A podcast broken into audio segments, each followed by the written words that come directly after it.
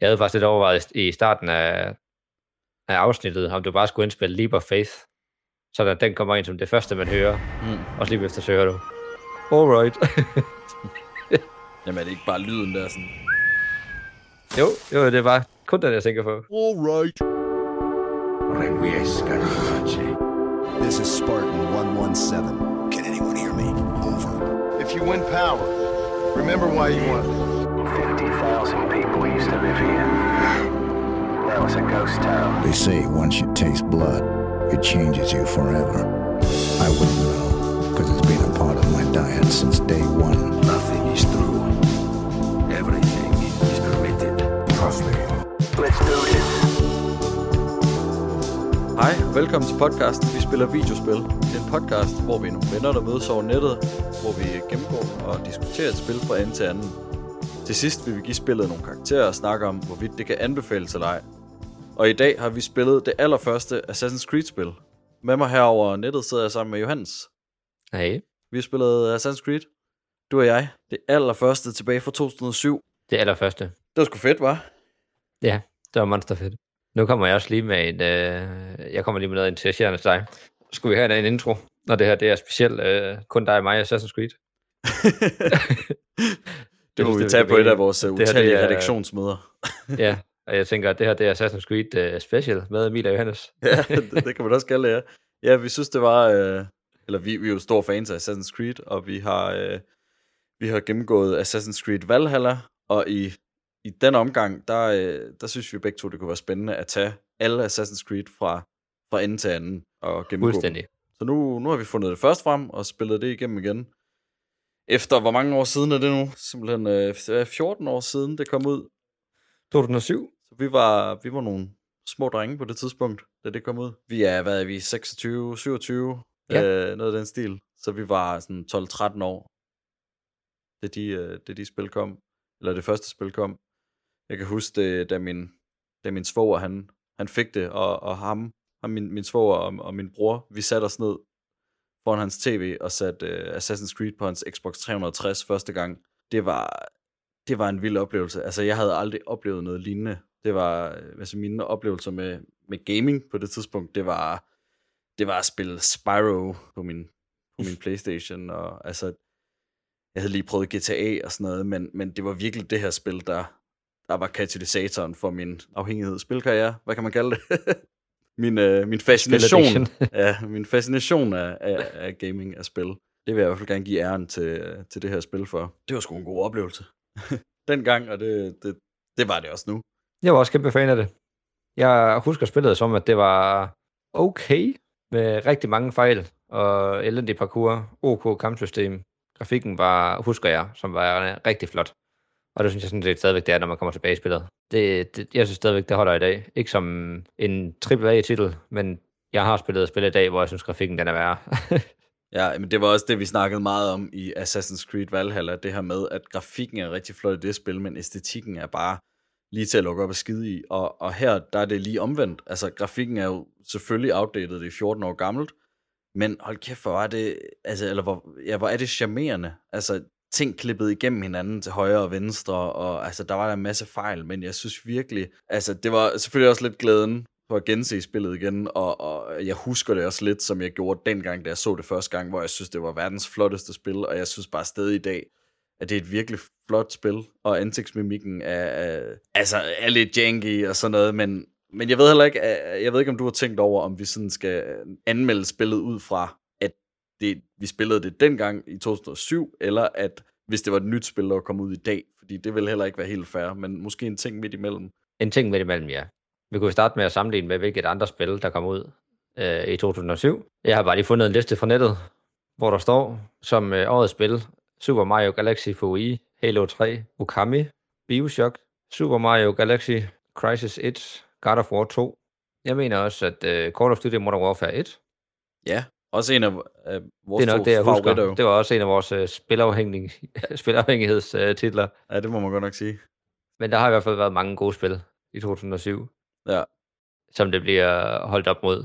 Og Assassin's Creed er et af dem, jeg husker. Helt sikkert. Spillet det er som sagt kommet i 2007. Det er udviklet af Ubisoft, eller det er udviklet af Ubisoft Montreal, der ligger i Canada, og så er det udgivet af Ubisoft, som vist bare er, ja, det er jo et fransk studie, men de ligger vist lidt, lidt rundt omkring. Øh, det er originalt udgivet til PS3, Xbox 360, og senere er det så udgivet til PC. Og jeg har spillet det på min PC, og mit, mit uh, GTX 1080 skulle heldigvis lige være med. Det er første gang, jeg har kørt det her spil på max, i hvert fald. er sammen her. Det er et action-adventure, third-person, open world, og alle de her titler, vi skal have på de her spil altid. Men det open world, der så lige sagt med Grand Salt, jeg vil sige, det er et semi-open world spil. Jeg googlede mig frem for lige at, at kunne sætte sådan, øh, nogle ord på det, og, og open world er vist, hvis hele mappen er loadet på én gang, og semi-open world er, hvis forskellige sektioner skal loades, og det er det jo i det her. Ja. Øhm, så ja, et semi-open world. Det er det første Assassin's Creed-spil, ja, ud af 17 spil, der er kommet. Desmond Miles er vores hovedkarakter, og han er lagt stemme af Nolan North, som jo har lagt stemme til ton af, af spilkarakterer og, og film også. Han har blandt andet været med i, i World of Warcraft, han har lagt stemme til karakterer i Call of Duty, i GoldenEye-spillet, i God of War, der han hates.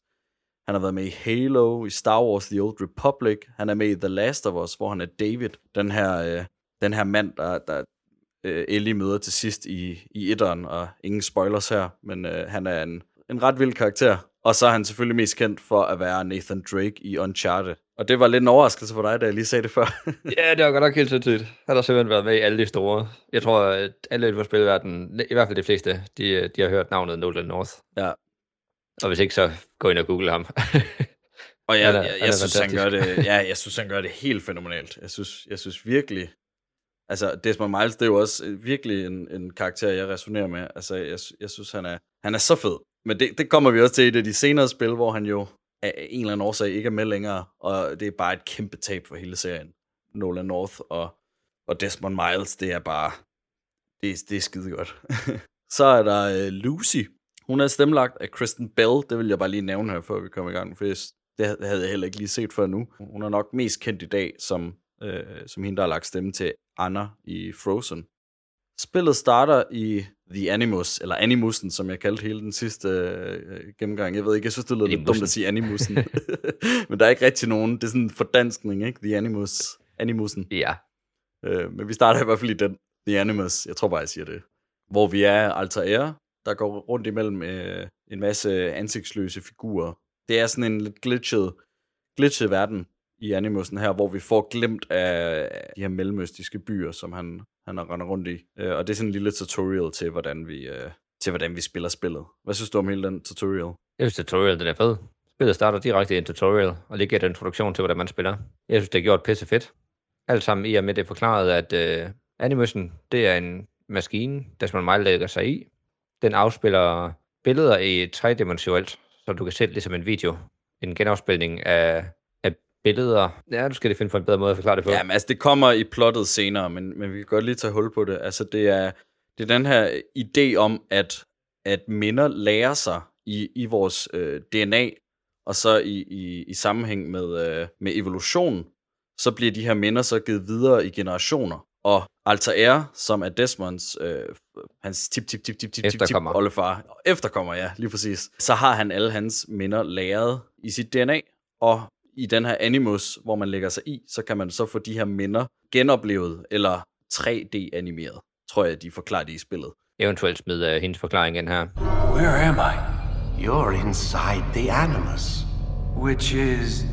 It's a projector that renders genetic memories in three dimensions. What is a memory, Mr. Miles?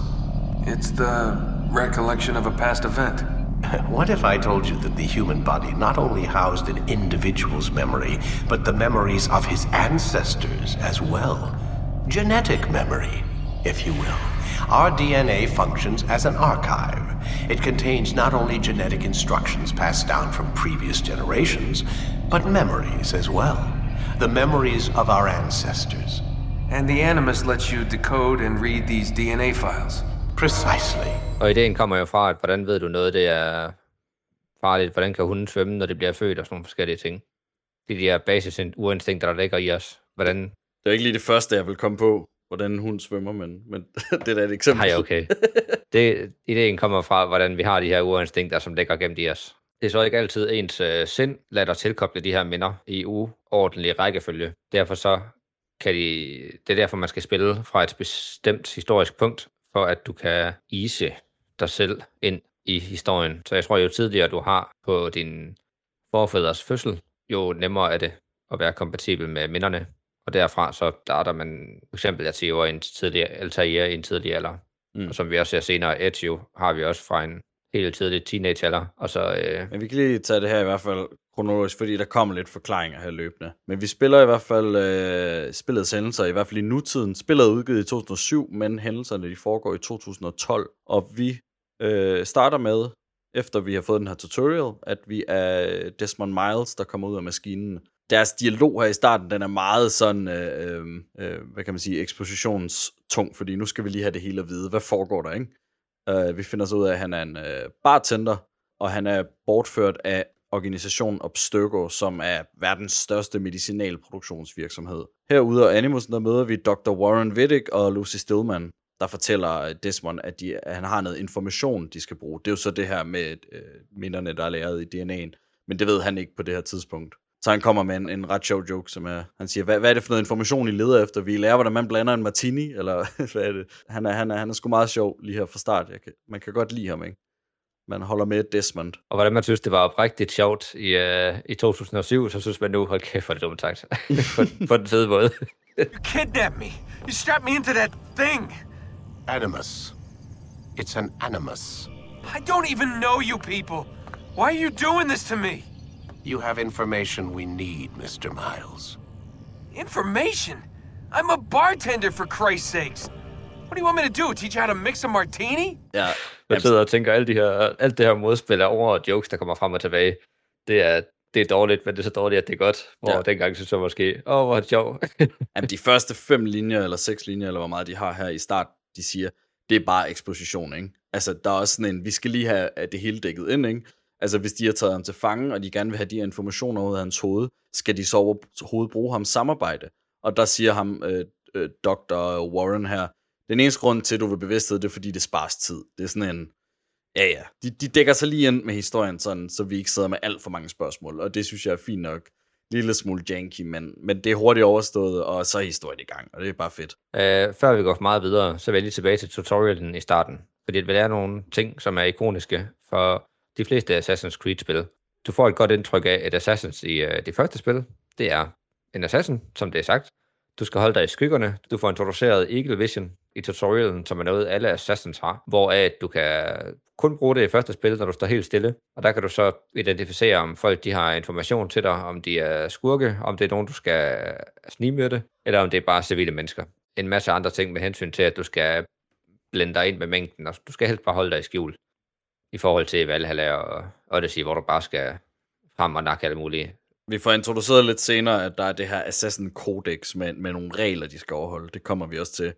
Og det virker også som om, at de i serien glemmer det fuldstændig. Her i første, der, der er det hele spillet, der drejer sig om det. Og efter det, så er der ikke rigtig nogen, der bruger det. Men det sagt, så er det i, i de første række af spillet. Det er først her på det nyeste, at de begyndte at gå væk fra det. Og jeg synes, det er rigtig ærgerligt. Fordi igen, så husker jeg ikke spillet værende så godt, som det faktisk er. Jeg synes, det fungerer pissegodt, og jeg synes, at kampsystemet egentlig også fungerer pissegodt. Endnu bedre, end dengang jeg først spillede det. Da jeg spillede det her igen, for jeg har ikke spillet det siden 2007, fandt jeg ud af, hvor elendig jeg var til computerspil dengang. Både øh, i forhold til parkour, og i forhold til, hvor dårlig jeg var til at bruge kampsystemet. Men det skal vi nok snakke om øh, senere, når vi går i detaljer med det. Fordi at man kan en helvedes masse ting i det kampsystem.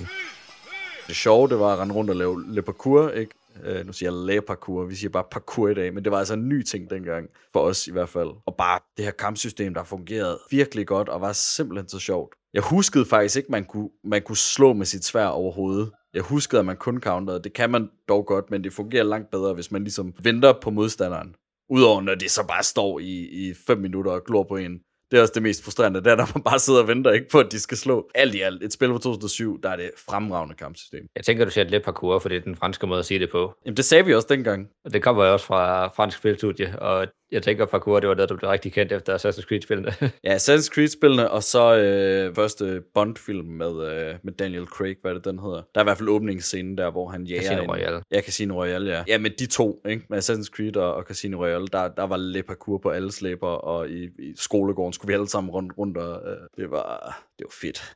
Det var fedt, mand. Mm. Før Desmond han vågner op inde ved, øh, inde ved lægerne og inde ved animation og det her, der prøver de her læger at finde et, et bestemt minde og prøver at lære noget om en mystisk øh, artefakt. Er det ikke sådan, det foregår? Jo, men det, man, man, det eneste, man får at vide, det er, at, øh, at de har brug for noget, der er inde i Desmonds hoved. Og så får vi hele det her forklaret med, øh, med, med minderne, der er, er lavet i DNA'en. Og så kommer han ind i den her Animus, finder ud af, at vi kan ikke komme ind i det minde, eller doktorerne, de kan ikke få lov at komme ind i det minde, de skal bruge for at finde den her skat, øh, som vi så ikke ved, hvad er endnu. Men det er jo The Apple of Eden, de skal bruge. Øh, og de forklarer det så, at det er ligesom posttraumatisk stressramte, der, der skal ind under hypnose, hvor de kan ikke, øh, de, de kan ikke få, få adgang til nogle, til nogle bestemte minder, der, der er på grund af det her PTSD. Og det er sådan lidt, igen, det er den her lange ekspositionsdialog, øh, der er i starten, hvor de lige dækker sig ind, ikke, så man ikke sidder med for mange spørgsmål. Jeg synes, det er fint nok forklaret, men det er ikke... Det, det, det, det, sætter, øh, det sætter historien i gang. Øh, men, men så Desmond, han skal ligesom lære, han skal lære at være Altair inde i The Animus. Og for at komme hen til det minde, de skal bruge, der, der skal han igennem fra start. Og det starter så heldigvis samtidig med, Altair, han også skal lære at være en assassin. Så øh, det kan de ligesom lære sammen. Det er meget smart. Det er god historieskrivning. Han kommer ind i uh, The Animus, hvor vi befinder os i 1191 under det tredje korstog. Vi befinder os i, øh, eller vi kommer rundt til de forskellige byer, som er Damaskus, Akko eller Accra, Jerusalem og Marseille, siger jeg det rigtigt? Der hvor øh, The Assassins hovedkvarter Det ved jeg er. simpelthen ikke. Men vi, vi starter i en, øh, et underjordisk sted omkring i Jerusalem. Det er det første sted, vi kommer ind i spillet med Altair, hvor det, at det, det starter med, at, at du hører en stemme sige, at øh, en uskyldig ikke behøver at dø.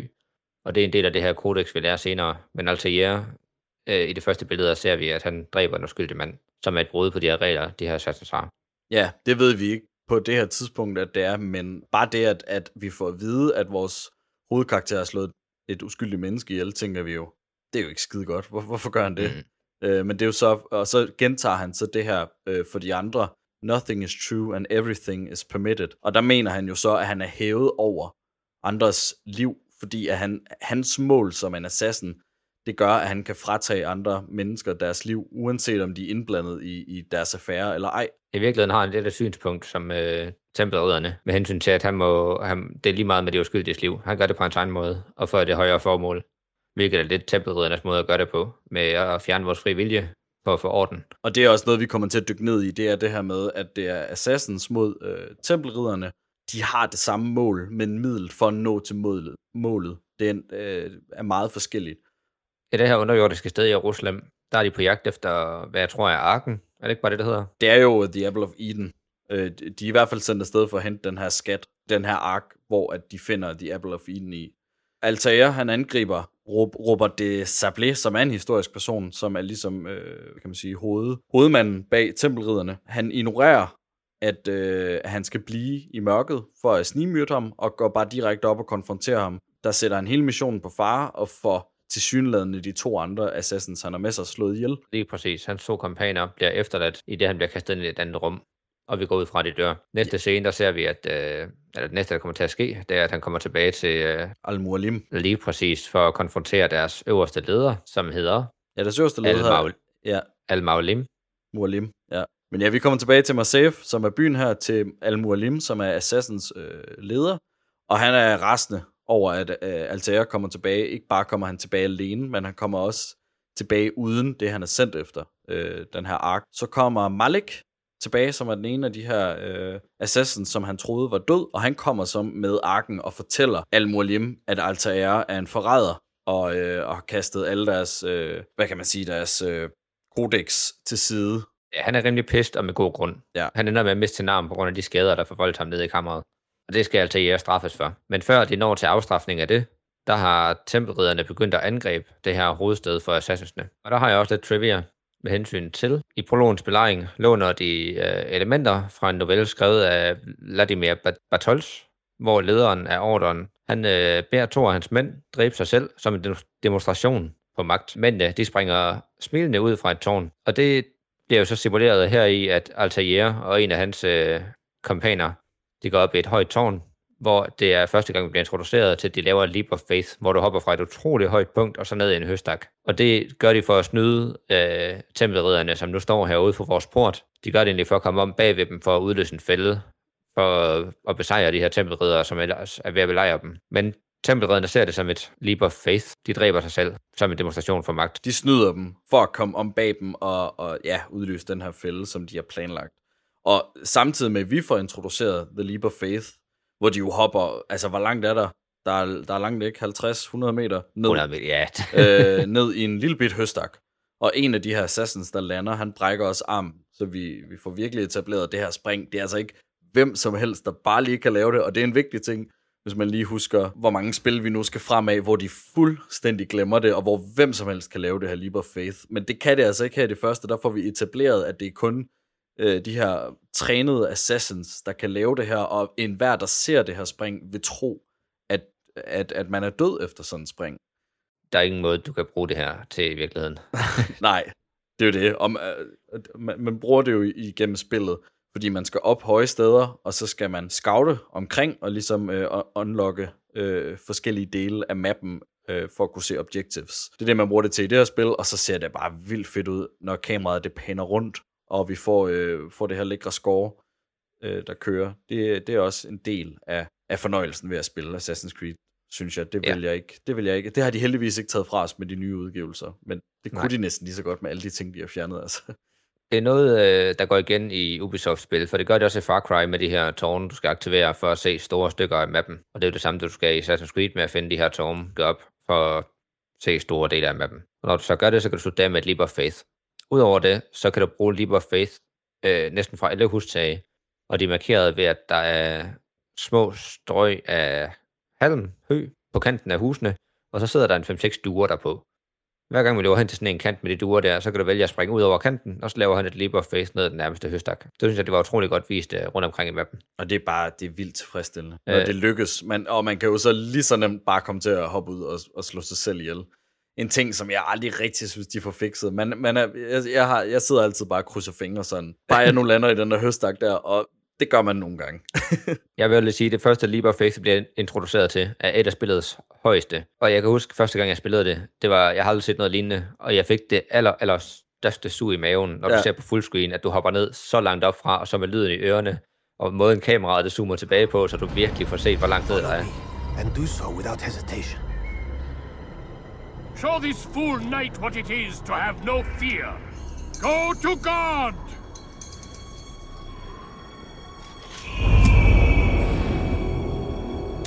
Aye! Oh, my leg! Ah! Oh, my leg! Quiet, or the Templars will Og jeg har næsten helt glemt den følelse, indtil jeg viste øh, i Assassin's Creed Valhalla, et af de højeste springudsteder derfra, til en af mine øh, kærestes veninder, der lige kom ind for at kigge på. Og hun sad helt og sagde, uh, og fik sådan helt sur i maven der at se på, at han- sprang ned fra så højt et sted. og der kom jeg i tanke om, ja, det, det skulle sådan, man har det første gang, man spiller spillet. Altså, Det det, det, er helt utroligt, sådan en tur i maven, man kan få af det. Og det er nogle af de ting, der også, hvad kan man sige, be- bevidner os, eller forsikrer os lidt om måske, at et, det er nostalgien ved at spille det her spil. Det er fedt at, at besøge igen, og at spille igen. Men det er altså bare et godt spil, og de her ting fungerer bare stadig vildt godt, og man får stadig et sus i maven, og sidder og klapper i hænderne, ligesom jeg gjorde første gang. En anden lille sjov ting, det er Assassins ordet.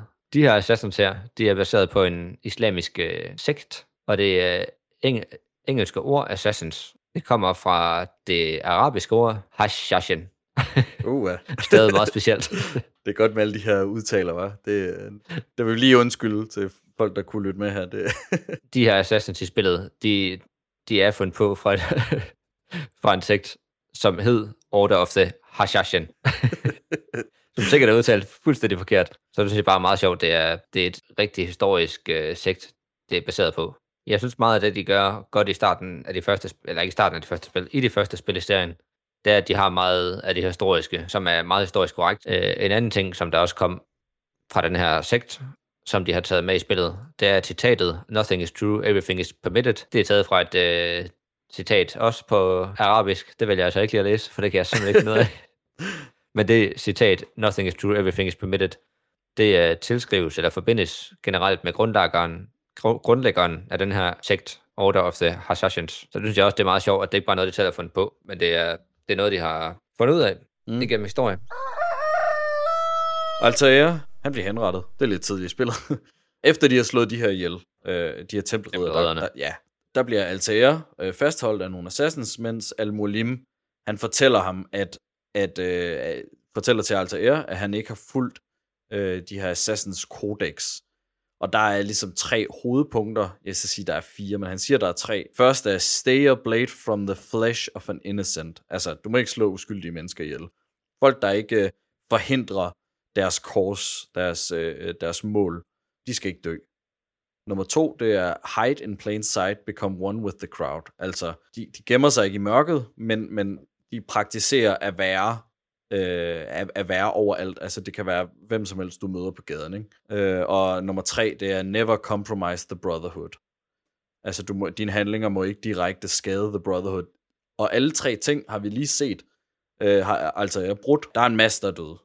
Og det Ja. er Atayers skyld, og derfor så bliver han henrettet. Og havde det ikke måske med lidt held overvundet de her tempelridderne, så kunne det have været Assassins øh, undergang.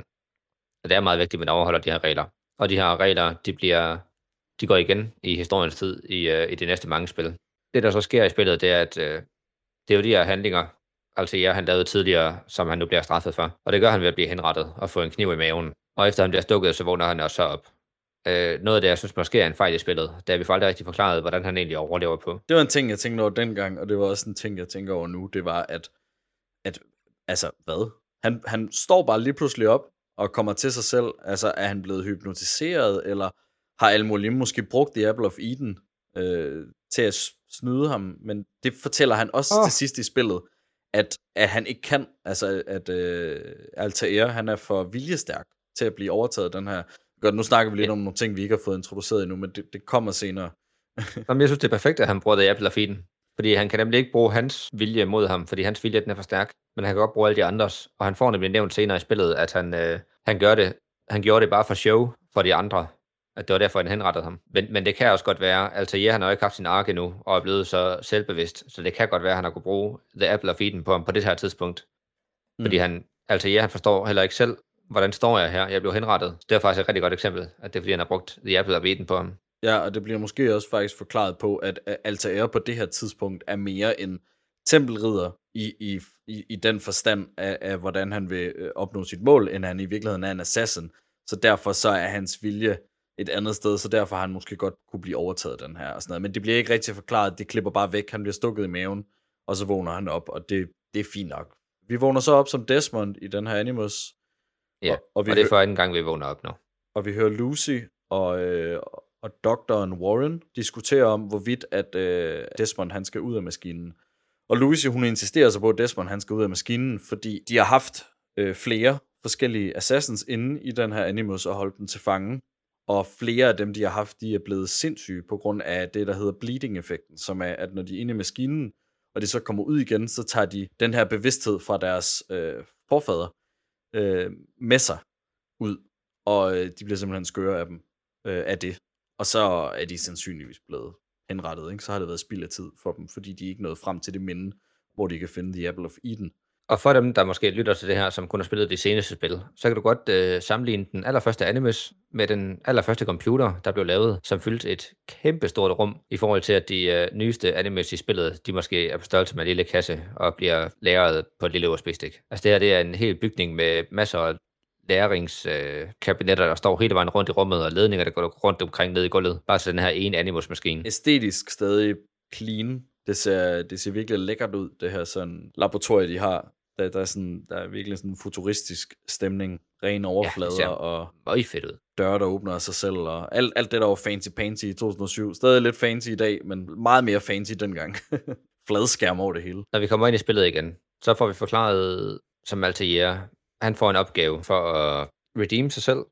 Han har fået fjernet sin rang i den her Assassin's Creed Order. Han får en masse opgaver, som man skal løse. I takt med, at han får løst alle de her opgaver, altså at dræbe de her mennesker, så får han sin, øh, sin rang tilbage igen. Så hver gang du kommer tilbage fra et, øh, et mor, så får han steget, eller får lov til at stige en rang, og får lov til at få nogle af sine våben tilbage, som han havde i starten. Ja, og det, så det er motivationen i spillet. Det er, at Al-Mualim, fordi at, at, øh, at Altair, han har, øh, han har redeemet sig selv en lille smule ved at hjælpe med at få de her øh, øh, tempelridder på flugt, så har han givet ham hans liv tilbage. Han troede, at han blev henrettet. Det gjorde han så ikke alligevel, og, og nu skal han så øh, ligesom få sin respekt igen, og så samtidig så sin våben. Og det er jo en meget ja. god tutorial for os, at vi, vi skal lære at klare os med meget lidt i starten, og så får vi mere og mere, nu længere i spillet vi kommer. Og det synes jeg bare er en vildt fed måde at få introduceret, både hvad det er, vi kan vente os, fordi vi har prøvet at have alle tingene, og så også, også at vi gradvist bliver bedre og bedre til at bruge de forskellige ting, og vi får opgraderet, hvor mange kasteknive vi har, og så videre. Jeg, jeg synes, det er så sjovt, og jeg synes, det er så meget sjovere, end at, at tage rundt og loote alt muligt. Der er ikke noget looting overhovedet. Altså, der er noget, hvor du skal skaffe nogle kasteknive tilbage, som du kan stjæle fra nogle forskellige øh, mennesker. Og det er det. Og, og det er bare så befriende, synes jeg, at spille et spil, hvor man ikke skal koncentrere sig om det, hvor man bare kan fokusere på historien. Det er et sted et meget linje open world.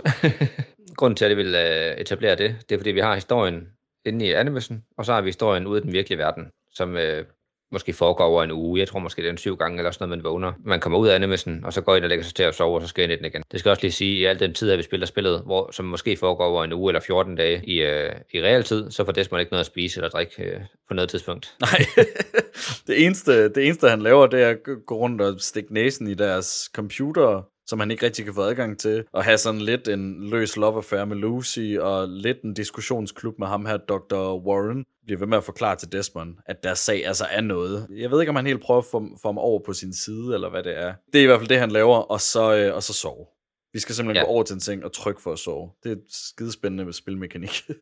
og jeg ser, at lægen han forklarer ham det her ting her, fordi han simpelthen ser, hvordan kan alle mennesker ikke forstå, at det vi gør, det er for det bedre, og det er det bedste for alle. Så selvfølgelig så skal alle mennesker ja. være enige i, at vi har ret. Man kan se, at vi har nutiden, eller det er jo så i 2012, øh, det var heller ikke nutiden, da spillet kom ud, men, men det vi kalder nutiden, det er der, hvor Desmond er i 2012, og så har vi Altair i 1100-tallet. Han har sin mester, han kommer til øh, og bliver klogere, ligesom vi bliver klogere, og Desmond har ligesom ham, lægen Warren her, som han har de her øh, samtaler med. Og det er ja. jo sådan lidt, de, de har hver deres, hver deres ark, som er, er parallelle, både med at Desmond spiller Altair, men, eller oplever Altair. Jeg ved ikke, det lyder også bare lidt, lidt lummert.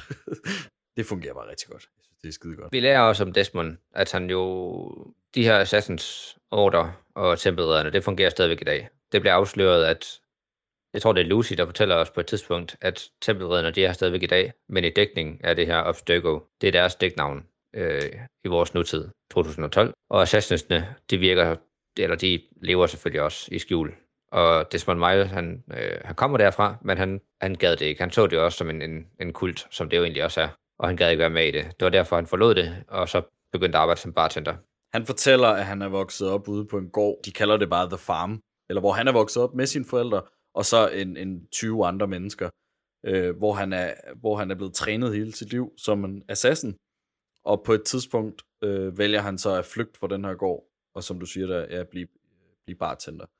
Det får vi sådan lidt ja. øh, drysset ud over. Det havde jeg faktisk fuldstændig glemt. Han får jo nogle evner i de senere spil, hvor han kan bevæge sig fuldstændig som, som øh, Altair og Ezio.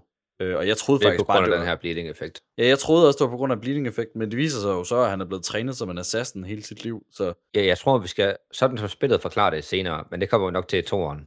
Det er, at han, alle de ting, han lærer, det gør han på grund af det bleeding-effekt. Når han lærer parkour, så er det fordi, han har lært det af hans forgænger, og han prøver at, han prøver at channel den her bleeding-effekt, for at mm. kunne lære det i nutiden. Spillet det er nemlig ikke klogt nok til at tænke, at han har lært at være trænet som assassin som lille, derfor kan han det også nu.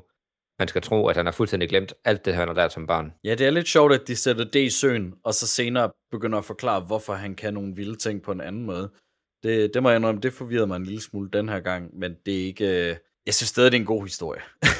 jeg forstod godt, hvad der skete, men jeg analyserer ikke videre på, hvad der, der foregår i spillet. Som for eksempel sætter spørgsmål ved, hvorfor kan han ikke alle de her Assassins parkour og en masse Assassins knep?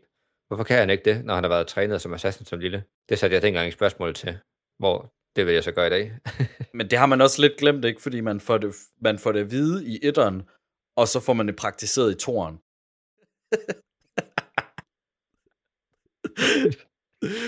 Det er hver gang, der er noget med en to, så, så kokser det op i hovedet på mig. Nej, ja. Hvor går vi fra? Ah, ja. Praktiseret sort. og det er kæmpe torsk.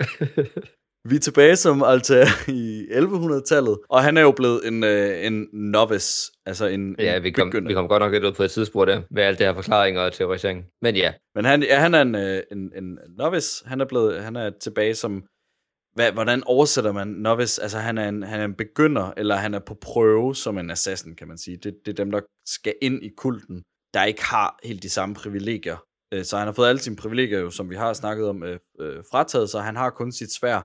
Og for at gennemføre de her opgaver, som han har fået tildelt, der skal han helt selv øh, researche og finde information og tage hen og slå de her mennesker ihjel. Og de her ni navne har alle sammen noget med det her korstog at gøre. Og øh, hans, øh, hans mentor, Al-Mualim, fortæller, at når de her ni mennesker er slået ihjel, så det her korstog, det vil være, det vil være brudt. Øh, det, det er ligesom de her ni hovedaktører. Og det er så hele spillet, det er, at vi skal så rundt og slå dem her ihjel. jeg husker ham som den fedeste og mest badass assassin, hvilket han også er. Men jeg kunne virkelig ikke lide ham den første tredjedel af spillet. Fordi at man gider ikke holde med en som ham. Han er en douche, han, han skider på alle de andre. Han snakker om, at han er den bedste assassin, og han gider ikke rigtig lytte til alle dem, der er under ham. Og selvom man nu er i den nederste rang, så, øh, så føler han stadigvæk, alle de andre assassins, de er under ham. han er arrogant, og, og han, er, han er bare ikke, han er ikke en, vi gider at holde med, selvom vi ved, det er ham, vi skal holde med. Og det er det, jeg synes, der gør hans ark så fed i det her. Og det er derfor, jeg synes, at han er, er den mest interessante øh, assassin, øh, der har været i nogle af spillene. Og, og det er derfor, jeg er så uforstående over for folk. Lige siden det her spil, der har folk sagt, at Altair, han er den kedeligste assassin. Han er jo ikke, han er jo ikke en sjov person. Han er jo han er utrolig alvorlig og, og selvglad. Og så følger vi ham ligesom i den her udvikling. Jeg, jeg synes, det passer til det her gamle spil, måden de gør det på. Jeg ved heller ikke, om det er...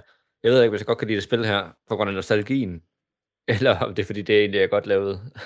Jeg, jeg er overbevist om, det er et godt spil. jeg tror, jeg tror nemlig, det er, fordi jeg husker det. Jeg husker det som, at det var meget dårligere lavet, end det egentlig er. Også fordi man spillede dårligt dengang. Det skal også lige siges, at Assassin's Creed 1, jeg spillede dem alle sammen på computer. Øh, og lige det her spillede jeg med tastatur og mus, hvor du spillede det med controller. Men dengang jeg spillede det første gang, helt op til 5'eren eller sådan noget, der kunne jeg køre Assassin's Creed-spillet med den laveste grafik, og det laggede altid. Så det er det første gang, jeg spillede det uden lag, og så på højeste grafik. Altså, jeg spillede det dengang øh, på min Xbox 360 og på mit Fuld HD TV, og jeg husker det som altså virkelig flot. Men selvfølgelig, nu har jeg jo siddet med min gamercomputer og maxet grafikken helt ud 14 år senere, og det er stadig bare et flot spil. Jeg, jeg, jeg er virkelig imponeret over grafikken, og jeg, jeg kommer måske til at ruste lidt meget, hvis man ikke har set grafikken, men så går man og googler og finder grafikken og tænker, hvad fanden snakker du om? Men, men jeg synes, det holder 100%. Jeg synes, det ligner et spil, der er i hvert fald to-tre, måske fire år senere, end, øh, end det er. Ja, der er også mange små detaljer, som man ikke ser i, i mange spil, med hensyn til, at du kan se, når du har brugt dine kasteknive, du kan se, når du får dem alle sammen, så har du 15 i alt. Du har 5 på ryggen, og så 10 op foran. Og hvis du har brugt 5, så mangler der 5 op foran, øh, eller 5 på ryggen, og så når du har samlet dem alle sammen igen, så kommer de også frem igen. Og alle de her ting, når du har fuldt udstyr på, så bevæger alle dele sig på dig, når du går rundt. Så alle dine små øh, tasker, som du har på siden, og svær på ryggen og sådan noget, alting det bevæger sig i, i, i takt med, at du selv bevæger dig. Og det tager det rigtig flot ud i forhold til, altså når du så laver alt det her parkour, hvordan alle tingene det bevæger sig individuelt. Og der er jo, vi, Og vi det- kan jo lige snakke om hans outfit lidt. Det er jo ikonisk. Utroligt, vi ikke har nævnt det endnu, faktisk. Altså, det her, det her Ja. hvide tøj, så har han sådan et, et rødt bælte på, og så en, en, en hvid hætte over, så hans, hans ansigt er skjult. Alle skulle have en hvid hættetrøje dengang, dengang spillet kom. Alle gik rundt med, med hættetrøjer og var assassins, ikke? Lød som om, at de lige sådan bevægede hånden og fik en kniv ud, og så gik over og snigmyttede folk, ikke? Det var fedt. Altså, og, og der er jo den her kjole, han er på. Den klipper igennem alt, den kommer i nærheden af. Det var også en ting, vi slog meget ned på i Assassin's Creed Valhalla, at ting klippede igennem hinanden. Men altså for 14 år siden, der var det standard. Det er det bare ikke i dag. Jeg ved godt, vi har svinet det, det spil nok. Men, Altså, jeg synes jo næsten, at det her det gør det bedre, end det gør i Assassin's Creed. Jamen, det sgu lige det før. Valhalla. Det sgu lige før, mand. Altså det der med, at tingene de, de falder ind igennem hinanden og sådan noget. Du, du havde et rigtig godt ord for, hvad var det, det manglede? Valhalla. Øh, øh, æstetik. Lige præcis. Ja. Det har det spil her, og det har Valhalla ikke. Men ja, dengang hvid hætte trøje, og så enten så var det en uh, hidden blade, eller så var det lavet Spider-Man. Ja, Spider-Man-spillene, det var altså også bare... Altså, og det er jo... Og, og nu det, tænker jeg også bare på uh, den første film med Tobey Maguire. Nå ja.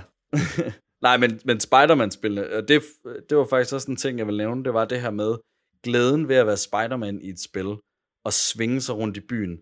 det vil jeg sammenligne med at lave parkour i det her spil, og, og, og hoppe rundt og snimyrte folk. Det, det er de spil, jeg har hygget mig allermest med.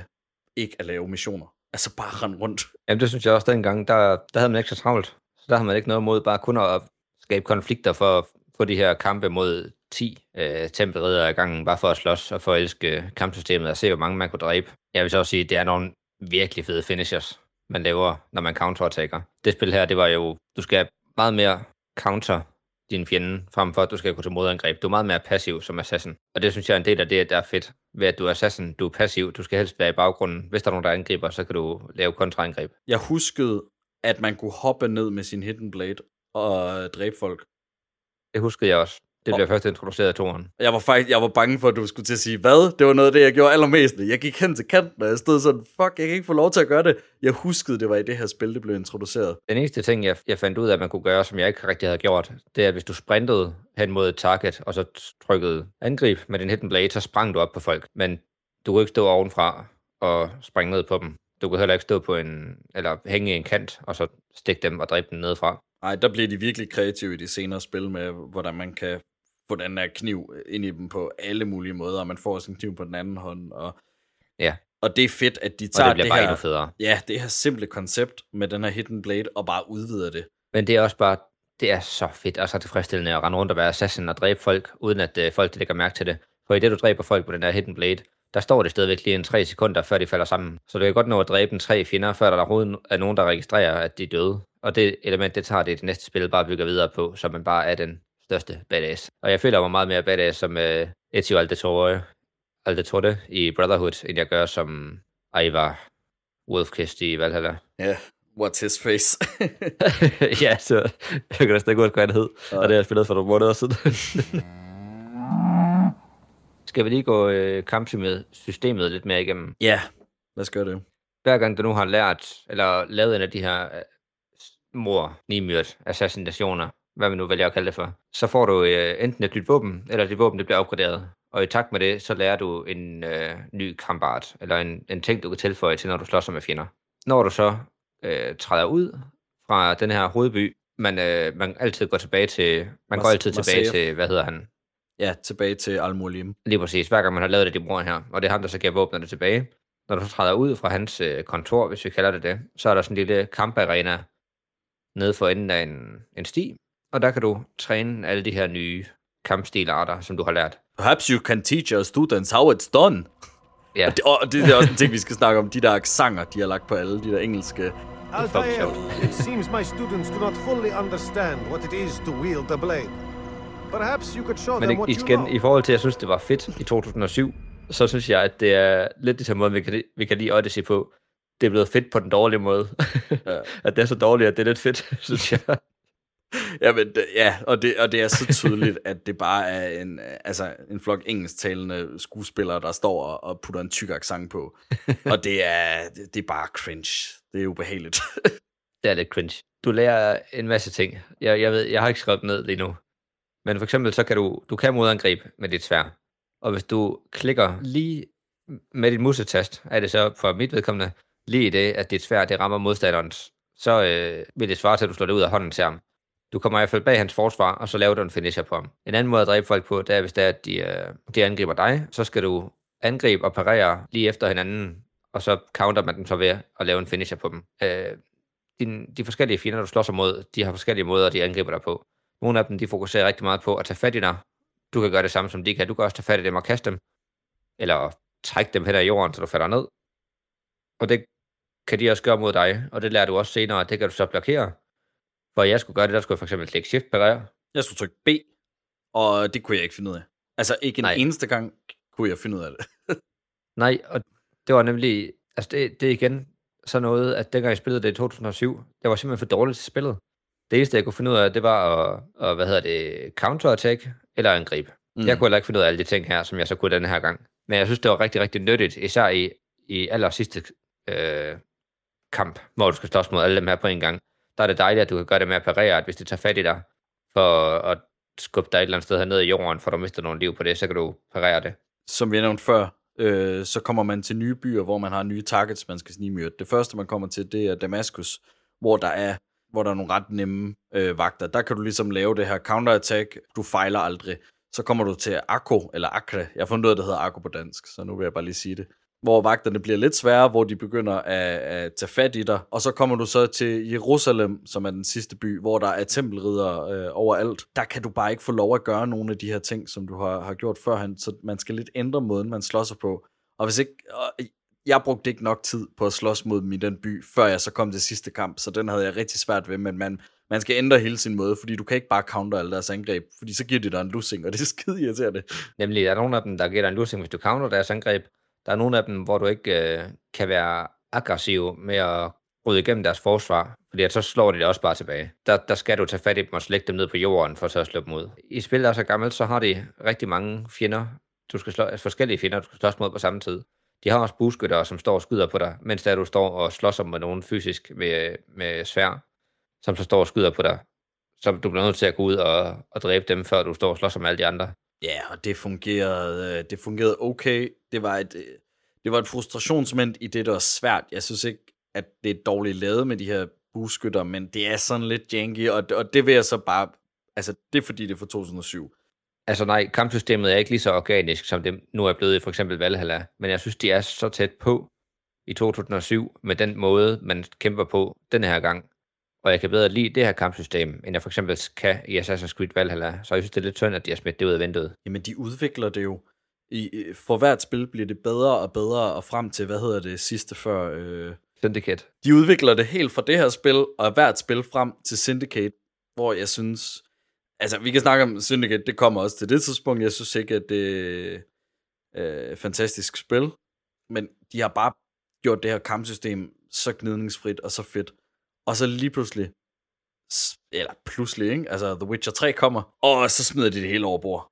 Hele den her unikke, det her unikke kampsystem, som Assassin's Creed har, det, det er ikke i de nye spil længere, og jeg forstår det ikke, fordi det, det er virkelig der, jeg hyggede mig allermest i de her spil. Det er med det her kampsystem, der fungerer så godt allerede for det første spil. Det gør det også. Det er lidt som, at de starter forfra med kampmetoden i Origins, og så skal de ligesom finpudse det, og det har de så måske gjort i Valhalla, hvor de allerede havde en metode, de var ved at finpudse, så jeg forstår ikke, hvorfor det ikke bare rykker, eller jeg forstår godt, hvorfor det ikke bare rykker derover, men jeg synes, det er synd, at alt det her, det går til spille. Jeg vil ikke have noget mod, at måden, det var gjort på i det første spil her, at det næste spil efter Valhalla, at de går tilbage til at lave det på den her måde, og du går tilbage til at være assassin.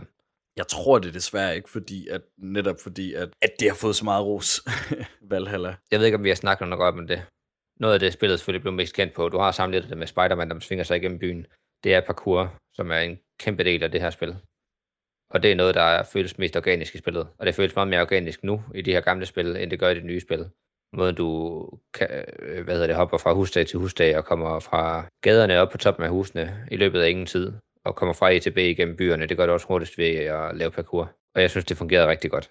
Der var gange, dengang vi spillede det tilbage i 2007, hvor der vi kunne komme til at klikke mellemrum og så springe ud fra et højt hus og falde ned og dø, eller springe tilbage. Og igen, det, det var igen, fordi vi var for dårlige til at spille spillet. Fordi at det er ikke nødvendigt hverken at holde øh, sprint nede eller mellemrum nede. der var tallige memes på nettet med, med at man prøver at, at, at få Assassin til at kravle det ene sted hen, og så springer han bare ud og begår selvmord. Og jeg er bare, jeg, jeg ved ikke, om de har lavet controls om, eller hvad det er, men jeg oplevede det ikke. Altså, jo, jeg oplevede det måske en gang, men det var lige starten, hvor jeg lige skulle finde ud af, at man skal give slip på A, når man er i gang med at kravle, og så skal man ligesom holde den inde igen, når man kravler op på noget nyt. Det er, det er en bevægelse med tommelfingeren, i hvert fald for mig, når jeg sidder og spiller med controller.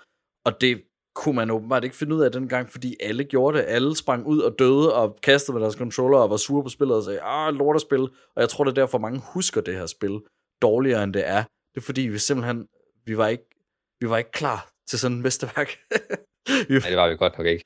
Men det er også fordi, at når du løber rundt på jorden, og du holder sprint nede, som man helst gerne vil hele tiden for at nå hurtigst fra A til B, så holder du det nede konstant, og det gør du også, når du kravler. Det er så bare også bare den knap, du holder nede, når du skal hoppe fra bygning til bygning. Mellemrum på tastaturet skal du holde nede for at sprinte hurtigst muligt. Når du så er i gang med at kravle, så vil du helst gerne give slip på den knap, og ikke klikke på den igen. For hvis du kommer til at klikke på den, så kan det betyde, at du kommer til at springe til venstre eller til højre. Mm. Og det er ikke nødvendigt at holde den ned, når du klatrer. Det er jo det. Jeg tror, det er sådan en lille ting, man ikke har tænkt over, det kan man være lille eller mindre. når du render rundt, hver gang du bliver sendt ud til en by, så er der en, øh, et Assassins øh, bureau, og der er selvfølgelig en leder for det her bureau. En af lederne i en af byerne, det er din kompagnon for tidligere, som har mistet din arm. Hvad var hans navn? Malik? Han hedder Malik, ja. Ja, Og han er selvfølgelig sur på dig, og snakker ret surt på dig, indtil det sidste spillet, når du er ændret dig til et helt dødt menneske. Uh, men det er i hvert fald dem, der styrer det her bureau, og det er dem, der giver dig besked på, hvordan du skal begive dig ad med at Ja, det er dem, der giver de her mor i de her forskellige byer. det er dem, der giver dig tilladelse til det. Altså, du kommer ind i byen, så melder du dig selv i byrådet, så går du i gang med at, øh, at researche, så tager du tilbage til byrådet, for ligesom at melde, hvad det er for nogle informationer, hvad det er for nogle, et menneske, du har tænkt dig at slå ihjel, og så giver de dig den her fjer, du skal bruge, når du har slået dem ihjel, for at tørre blodet af, for så at aflevere som et symbol på, at du har fuldført missionen. Lige præcis. Det er nemlig endelig en ting, der bliver tilføjet, det er, at de har de her fjer, jeg går ud fra, øh, stammer fra en ørn, eftersom Assassin's Creed-symbolet stammer fra et hvid Øh, når du får den her fjer, så har du ligesom... Hvad siger du? Ja, det er en hvid fjer. Ja. Men når du så får den her fjer, så er det ligesom et, øh, det er et accept på, at du har tilladelsen til at gå hen og dræbe den her person. Og når du kommer tilbage med blod på fjeren, så er det et signal til, at du har udført den her, det her mor. Der er de her ni vi, øh, snimor, vi skal lave, for vi har øh, redeemet, eller øh, Altair har redeemet sig selv. Og øh, på sin, på sin færd igennem spillet, der oplever vi, at, øh, der oplever vi, at, at dem her, han slår ihjel, de angrer ikke øh, deres sønner, som, altså de her assassins, de ser det jo som om, øh, eller han har i hvert fald fået at vide fra Al-Mualim, at de her mennesker, de skal slås ihjel, fordi de er en trussel for friheden. Altair hører dem alle sammen sige, øh, når han slår dem ihjel, at de kæmper for frihed, og det gør ham ret forvirret, så han konfronterer øh, Al-Mualim i løbet af spillet, øh, hvor, hvor Al-Mualim så fortæller øh, Altair om det her med, at tempelridderne og assassins, de har samme mål, men midlet for at nå til målet, det er forskelligt. Altså assassins, de kæmper for at fjerne tyranniserende øh, ledere og gøre øh, folks frihed til at vælge. Folk skal have frihed til at vælge det rigtige og vælge at leve rigtigt. Så om de har et godt eller forkert øh, synspunkt, det, det kan man jo så selv bedømme. Og tempelridderne, de vil kontrollere folk. Altså de vil, de vil gå ind og, og, og styre områder med, med kristendom, ikke? Altså de vil konvertere folk. Tempelridder vil have, have fred, men den måde, de får fred på, det er ved at styre folk, og assassins, de vil gøre folk frie. Så de vil beg, begge to have, have fred. Og det er jo det, Altair han oplever. Øh, og det er det, vi lærer samtidig med, at Altair lærer det. Kan jeg, kan jeg sige noget? Jeg, jeg har nemlig noget at fortælle om nogle af de andre, vi slår ihjel, som er lidt kort. Den ene, det er nummer tre. Det synes jeg, det var en af de, det, det synes jeg er en af de fedeste. Vi, vi kommer ind og snigmyrder, hvor vi bliver lukket i et baghold af ham her, som, som lader folk op fra gaden. Ja, hvor vi bliver, vi bliver lukket ind i et rum. Ja, og det er bare det der med, at der er sådan en faldlem, der er ikke en faldlem, der er sådan en, øh, hvad hedder det? Gitter. Ja, et jerngitter, der falder ned bag dig, i det du træder ind i et rum, hvor det er, at han godt vidste, du ville komme, og så prøver han så at slå dig ihjel. Det synes jeg bare, det var meget fedt. Der tænkte jeg virkelig, wow, det er fedt det her. øh, en anden en, vi så kommer til at slå ihjel senere, det er sådan en, øh, en læge. Øh, den her læge, han samler folk op fra gaden, og han hjælper dem med at prøve at befri dem fra deres eget sind, som holder dem fanget. Det er syge mennesker og folk, der er måske psykisk syge. Og jeg synes bare, at det er, er sjovt, måden han forklarer det på. Det lyder meget som måden Fulke, hun øh, prøver at åbne Sigurds sind i Assassin's Creed Valhalla, sådan at han bedre kan forstå sammenligningen mellem hans minder og så Those Who Came Before. Det er lidt det samme, som lægen her han prøver at eksperimentere med, da han prøver at åbne de her folk fra gadens sind ved at torturere dem. Det ved jeg ikke, om du tænkte over. Øhm, nej, ikke den kobling, men altså, de er jo, hvad kan man sige, de er jo skøre begge to.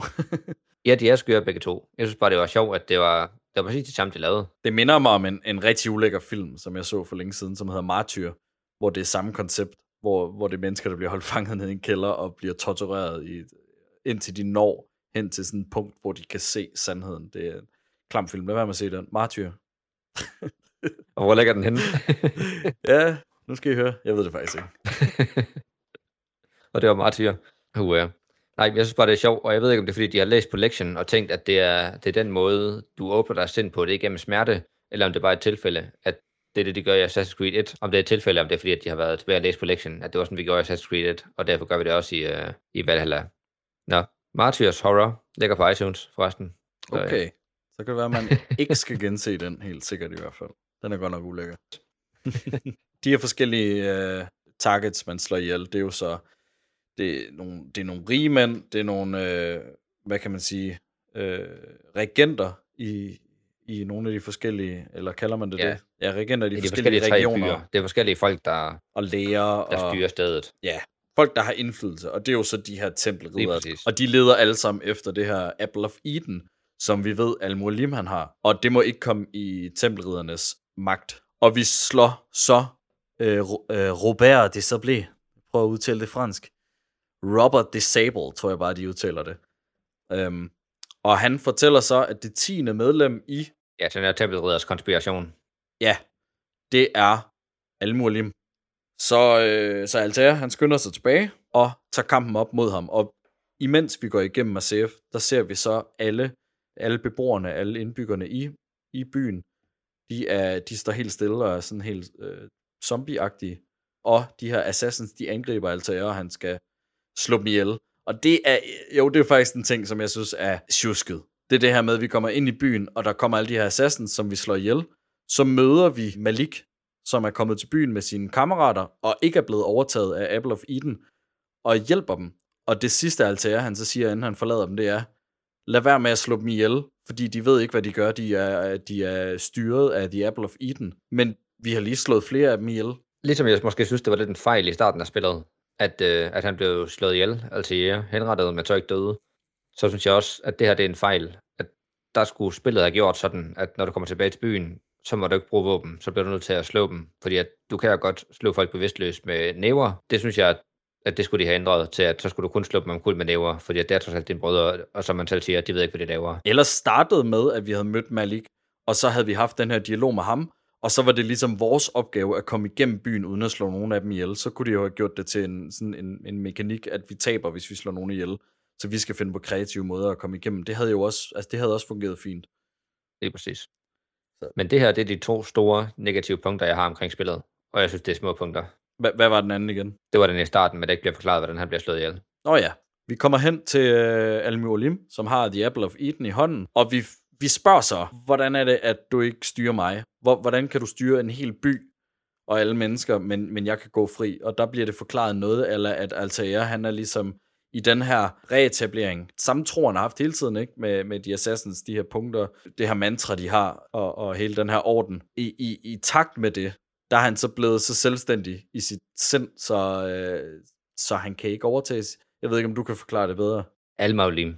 Mulim. Han forklarer det som i, at øh, Altair han er nu blevet så selvbevidst og har fået så stærk en viljestyrke, og er blevet så ren i mål og motiv, at han ikke kan manipuleres eller ledes på afveje. Han kan ikke forvrænge, hvordan han tænker, fordi han har så klart et syn på, hvordan tingene nu skal være. Og det er en del af det, han har lært i sin ark. Og jeg kan ikke helt finde ud af, om det er galt eller genialt, at Al-Mualim nu har brugt i det, der er for os ikke 10 timers spil, noget, der er sikkert er, jeg ved ikke, hvor mange år det er, det er i hvert fald lang tid, på at få Altair integreret igen i deres, her i deres tro, hvor det så til sidst er det, der besejrer ham. Han er jo blevet til en tempelridder i virkeligheden. Han vil jo bruge den her Apple of Eden til at styre folk. Og Mm. den, der kan stoppe ham, det er jo så Altair, og hvis skyld er det, Jeg tror ikke, han havde forventet, at øh, Altair han ville ændre sig så meget i hans øh, genoptræning. Fordi han var jo nem at manipulere, og var ligesom meget fejlagtig, da han startede som assassin, indtil han blev fjernet sin rang. Men han er så i, i takt med hans genoplæring blevet så oprigtig, at han så ikke kan manipuleres. det vi hører i starten af spillet, Altair han siger, nothing is true, everything is permitted, imens han slår en uskyldig ihjel. Det siger Al-Mualim her til sidst, hvor han styrer en hel by med Apple of Eden, siger han, nothing is true, everything is permitted. Så han misbruger øh, den sætning, eller det mantra her, de har, på samme måde som Altair gjorde i I starten. found proof Proof of what?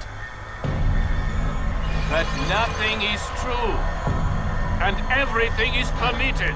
Ja, det er faktisk lidt sjovt. Det kan være, at øh, Apple of Eden har manipuleret ham. Eller så er han nok bare blevet lidt magtlederlig. Det ved jeg ikke. ja, men de snakker jo også om det her med, at Apple of Eden, det er jo en modståelse af temptation. Det er jo også et symbol på det her øh, æblet fra paradisets have og så videre. At du står med den her magt. Det, der så gør dig stærk i, i, i det, og i, øh, de her, øh, den tro, de har, det er at lade være med at bruge den magt til noget. Og jeg synes, det er så fin en historie, og jeg synes, det er, jeg synes, det er godt fortalt. det her Apple of Eden, det bliver jo forklaret, at det har været brugt igennem tiderne, som da Jesus han lavede vand om til vin. Men det er bare et manipuleringsredskab, du kan bruge til at manipulere med andre. Så der har aldrig nogensinde været noget med, at vand blev lavet til vin. Det har bare været det her æble, der manipulerede folks øh, sind. Jeg vil lige hurtigt tilføje. Det er nemlig kun i det første spil her. Der er Altair. Han er 100% kopi lookalike af Desmond Miles. Ja. Og alle de andre af hans forfædre. Det ligner ham jo ikke. Det er jo ikke identisk med ham. Det vil også være fjollet. Alle vores forfædre ligner også jo ikke. Vi møder Altair igen i et senere spil, og der har de lavet alt om. De har lavet stemmen om og udseendet om, og jeg kan huske, de irriterede mig. Men det er bare super mærkeligt, at man er Desmond Miles tilbage i 1100-tallet. Det irriterede mig egentlig ikke. Jeg synes, det var fint, at du har en anden forfædre, som du så ligner meget. Øh, Det var, det var også ja. det, der forvirrede mig så meget, øh, dengang det kom ud i 2007. Det der med, hvad er det helt præcis, der sker? Bliver man teleporteret tilbage? Eller, jeg ved, altså, jeg ved godt, det er en anden stemmeskuespiller, men det lagde jeg jo ikke mærke til dengang. Altså, det var bare, Nå jamen, det er bare Desmond, der er teleporteret tilbage i tiden, mens han ligger inde, hvis jeg forstod det ikke. det det gør kan jeg jeg i dag, heldigvis. Det gør så godt, det, det hørte jeg ikke helt. Og hvis der er nogen, der lytter til det her, og synes, at vores øh, historieforklaring ikke har været særlig detaljeret, eller særlig perfekt, eller særlig god på nogen måde, og gerne vil have det øh, uddybet mere, så øh, drop YouTube-videoerne, og så bare gå ind og køb spillet. Ja. Du kan få det til 40 kroner, og så spille det igennem, for det holder stadigvæk i dag. Men øh, ja, nu er vi faktisk nået igennem spillet, så jeg tænker, at vi er kommet til der, hvor vi skal give det nogle karakterer og snakke om, vi vil anbefale det. Det har vi godt nok fortalt, at vi gerne vil anbefale det. Jeg vil i hvert fald.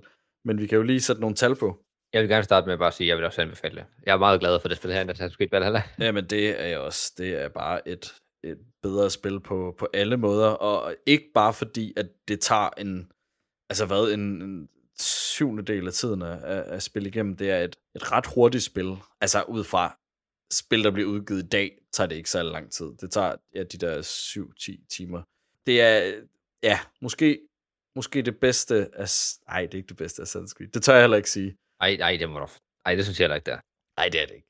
Men jeg, det, jeg, jeg synes bare, det har fået, det har fået så hård medfart over årene. Og folk, de, de har glemt det spil her. Simpelthen. Jeg er blevet undervurderet. Vi vil give spillet nogle karakterer. Vi har tre kategorier, hvor vi giver fra 1 til 10 i hver kategori, og så lægger vi karaktererne sammen, og det er så øh, henholdsvis min øh, karakter af det her spil, og så Johannes karakter af det her spil, og dem lader vi ligesom stå for sig selv, så man ved, hvad vi synes hver for sig. Øh, den første kategori, det er visuelt, det er grafik og æstetik, altså, ja, hvor pænt er spillet. Øh, både hvor, hvor synes vi, de er teknologisk med grafisk, og synes vi, æstetikken er pænt. Så giver vi 1-10 i mekanik, det er controls, FPS og kampsystem. Det er altså... det kan du få lov at forklare sig. Jeg er simpelthen også lige ved at høre sig. Det, er også, det, det er for lang tid der. Jeg tror, vi skal holde det til halvanden time normalt. Det kan man bare ikke. Der er så meget at snakke om. Åh, ja. jeg, kan ikke, jeg kan ikke holde det til under. og nogle gange, det kan også siges, det her afsnit, det er ikke optaget, øh, bare for at lave en podcast. Det er fordi, vi synes, det er rigtig, rigtig sjovt at sidde og snakke om. Og nogle gange, så kommer vi også til det bare ved et tidsspor, da vi sidder og spiller andre computerspil, og der har vi også snakket om det i halvanden time. også, til, også i telefon, også imens vi har været i, i opkald sammen med Alexander, der mener da vi snakker om Odyssey, så kom vi ud på et tidsspor, hvor vi det hurtigt kom til at snakke om det. Og det hurtigt, vi kom til at snakke om, det tog også omkring to timer, hvor Alexander bare sad i stillhed og hørte os snakke om Assassin's Creed sådan, Odyssey. øh, drenge, jeg smutter. Ja, så fortsatte vi med at snakke om det en halv time. Men det skal også bare siges, det med så, vi så har siddet og snakket omkring det her i to timer cirka, og det også skal være til at holde, holde til i en podcast, så måske bliver det klippet ned til halvanden time. Så, øh, så kan vi sagtens sidde og snakke om det i fem timer. ja, ja, fuldstændig. Det, vi skal stoppe os selv. ja, det skal vi godt nok. Ja, Jeg sidder også lige og læste alle noter igennem, og jeg fandt også 10 andre ting, som jeg gerne vil nævne, men det dropper jeg bare. Vi springer over det. Så giver vi 1 til Ja. 10 i historie. Det er narrativ fortælling. Godt. Johannes, 1 til 10 øh, visuel. Huha. Det er igen det, det er svært med, at, om vi sammenligner det med andre spil, der kommer i 2007, eller om vi sammenligner det med dagens spil i dag. Hvad synes du, vi gør? Ja, ja igen, en, en ting imellem, tror jeg, jeg vil tage, fordi æstetisk synes jeg, det holder. Grafisk selvfølgelig vil det være en katastrofe, hvis det kommer ud i dag. Men det er stadig pænt. Jeg tror, jeg holder mig lidt til den øh, æstetikken i det, og siger, at, at grafikken passer til det, æstetikken i spillet så godt. Og vi ved, at det er et spil fra 2007, derfor er jeg også lidt tilgivende. Og i forhold til, hvor flot spillet var dengang, jeg tror, jeg giver den en 7'er. Hvis jeg skulle anmelde det, dengang spillet det kom ud, så havde jeg nok givet det 10. Men Jeg tager højde for, at det er, er udgivet i 2007. Øh, det var verdens flotteste spil, da det kom ud. Jeg synes stadig, det er flot. Jeg synes stadig, det fungerer. Der er ikke nogen grafiske ting, jeg sidder og ærger mig over. Så jeg tror også... Ja, jeg ligger også på en 7. Bum. et. Så giver vi 1 Ja. ja. til 10 i mekanik. De mangler blev finpudset lidt, men jeg synes faktisk, de, var, de fungerede helt fint. Jeg synes, kampsystemet fungerede pisse godt. Du havde så mange muligheder for at slås mod dem alle sammen. Counterattack, modangreb. Ja, jeg, Jeg tror faktisk, jeg er helt op at give uh, mekanikken en 8. Jeg synes bare, at mekanikken fungerer skide godt øh, stadig i, i, i forhold til i dag. Jeg synes, kampsystemet, jeg synes, de udvikler på det. Jeg synes, det bliver bedre i løbet af, af spillene, der kommer. Jeg synes, de er virkelig godt, og, og de er på vej et godt sted hen. Men det bliver så meget bedre, så jeg, jeg giver det en syver på grund af det. Ja, det, jeg er nok også lidt gammel. Jeg er virkelig, jeg, jeg også fordi, nu har vi snakket Assassin's Creed Valhalla, og jeg, jeg var så træt, og jeg snakker om det. Jeg havde det ikke sjovt på nogen måde. Og jeg har haft det så sjovt med at genspille Assassin's Creed, det allerførste. Så jeg, jeg er i så godt humør, og i så god stemning lige nu.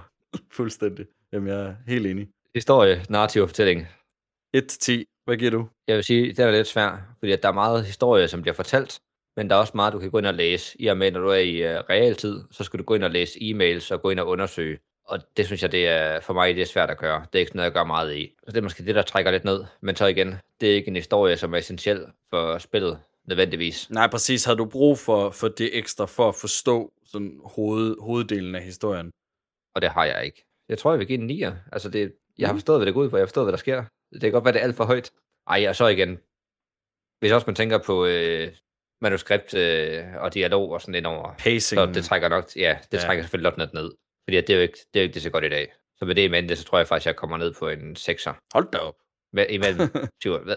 Ja, imellem, ja, fuck det, jeg tager med den. Jeg går, jeg går, jeg, der giver en 20'er. Også fordi, og jeg vil sige, det er også fordi, det kommer spillet til gode, at noget af det, øh, nogle af de sætninger og ting og sager, som var badass dengang, det, det er blevet dårligt på den fede måde i dag. Selv om du ikke øh, har den samme førstehånds indtryk, når du spiller spillet i dag, så kommer spillet stadigvæk til at underholdende, fordi det, der var badass dengang, det var underholdende i dag. Jeg huskede spillet øh, historiemæssigt som kedeligt og uinteressant, og jeg havde faktisk sat mig selv lidt op til at, at, at bare lige komme igennem det, og så sidde og nyde de ting, som jeg husker, som var godt. Men det kom, det kom helt op på siden med, med Assassin's Creed 2, som jeg husker, at den historie, jeg var mest investeret i. Jeg, jeg synes, det var en vildt fed historie, og jeg, jeg gennemførte den næsten på en dag, fordi jeg, jeg blev så investeret i, i historien på vores, vores to hovedkarakterer, Altair og, og Desmond. Og jeg synes bare, det er en, det er en pissefed ark, som Altair har. Desmond, han har måske ikke den helt store, men han, skal- han skal jo også, han skal lige sættes i søen til de næste på spil. Han får en ark. Det tager bare mange spil for ham. Altså skuespil, jeg ved ikke, om man kunne smide skuespil ind under den her kategori. Det halter lidt nogle gange. Øh, specielt fra Altair, som er vores hovedkarakter, og, og det er lidt ærgerligt. Men jeg tror, jeg ligger på en... Oh, jeg ligger nok også mellem 6 og en 7. Det kommer også meget højt op, var med de her karakterer. Ja, hvis du igen tænker på, at 5 det er neutral, så er Ja. 6 godt nok ikke særlig højt. Nej, men jeg, jeg giver det også en 7, fordi det var, det var bare fedt, altså. Vi kommer til at fortryde alt det, vi siger hvor vi sådan, hvad synes vi virkelig, det var så godt? Men jeg synes virkelig, det er så godt. Jeg synes virkelig, det er godt. Med det sagt, så, så husker jeg også, at jeg var så glad for Brotherhood, at jeg tror sgu bare, at det er en uh, clean tier.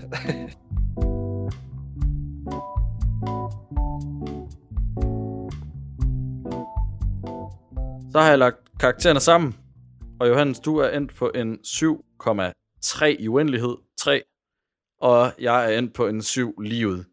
Og, og ligesom i... Øh...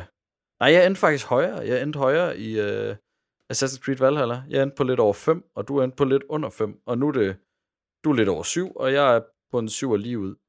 Repræsenterer det meget godt... Øh... Hvor landte du på Valhalla, siger du? Jeg mener, det var 5,3. Nå, jeg troede, du mente, du landte højere, end du gjorde til den her. Nå, nej, nej, jeg, jeg landede bare højere end dig. Det var mere sådan i det forhold til, der, jeg vil sige, der er ikke nogen af os, der er den sure endnu. Jeg synes, vi er mås- måske også lidt for enige, faktisk. vi, må, vi må tage at blive lidt mere uenige med de næste par spil. Det er svært i, uh, i den her spilserie, som vi begge to er så glade for. altså, Og så er der bare nogle spil, sige- som jeg hader, samtidig med, Ja. at der er nogle spil, jeg elsker, så det kommer. men jeg vil sige, i forhold til, at Assassin's Creed Valhalla har fået omkring de 5, så er jeg næsten ked af, at jeg ikke har rated det her højere. Med det sagt, jeg har givet dem en rating. Uh, Valhalla vil jeg ikke anbefale. Det her vil jeg give en kæmpe anbefaling. Kæmpe Spil det, anbefaling. og spil hele serien, og se, hvordan den, uh, hvordan den er blevet værre. Og lyt til vores podcast, fordi vi gennemgår alle spillene. Hvor lang tid det kommer til at tage, om, om, om de alle, alle afsnit derude i 2022, det skal vi ikke kunne sige, men, men de kommer på et tidspunkt. Det er, fordi jeg, jeg glæder mig helt vildt til at spille dem alle sammen og snakke om dem. Og i senere afsnit skal vi også nok lægge et, øh, et link ud til et sted, hvor I kan smide jeres øh, kommentarer omkring de problemer, I har haft, og I om I er enige eller totalt uenige i det, vi har sagt i dag. Om I øh, hader det, om I ikke synes, at det kan anbefales at spilles den dag i dag. eller vi faktisk også har haft det ret sjovt med det. Det vil vi meget gerne høre. Jamen, øh, det var det. Tusind tak, fordi I lyttede med. Helt sikkert. Vi ses næste gang. Hej hej.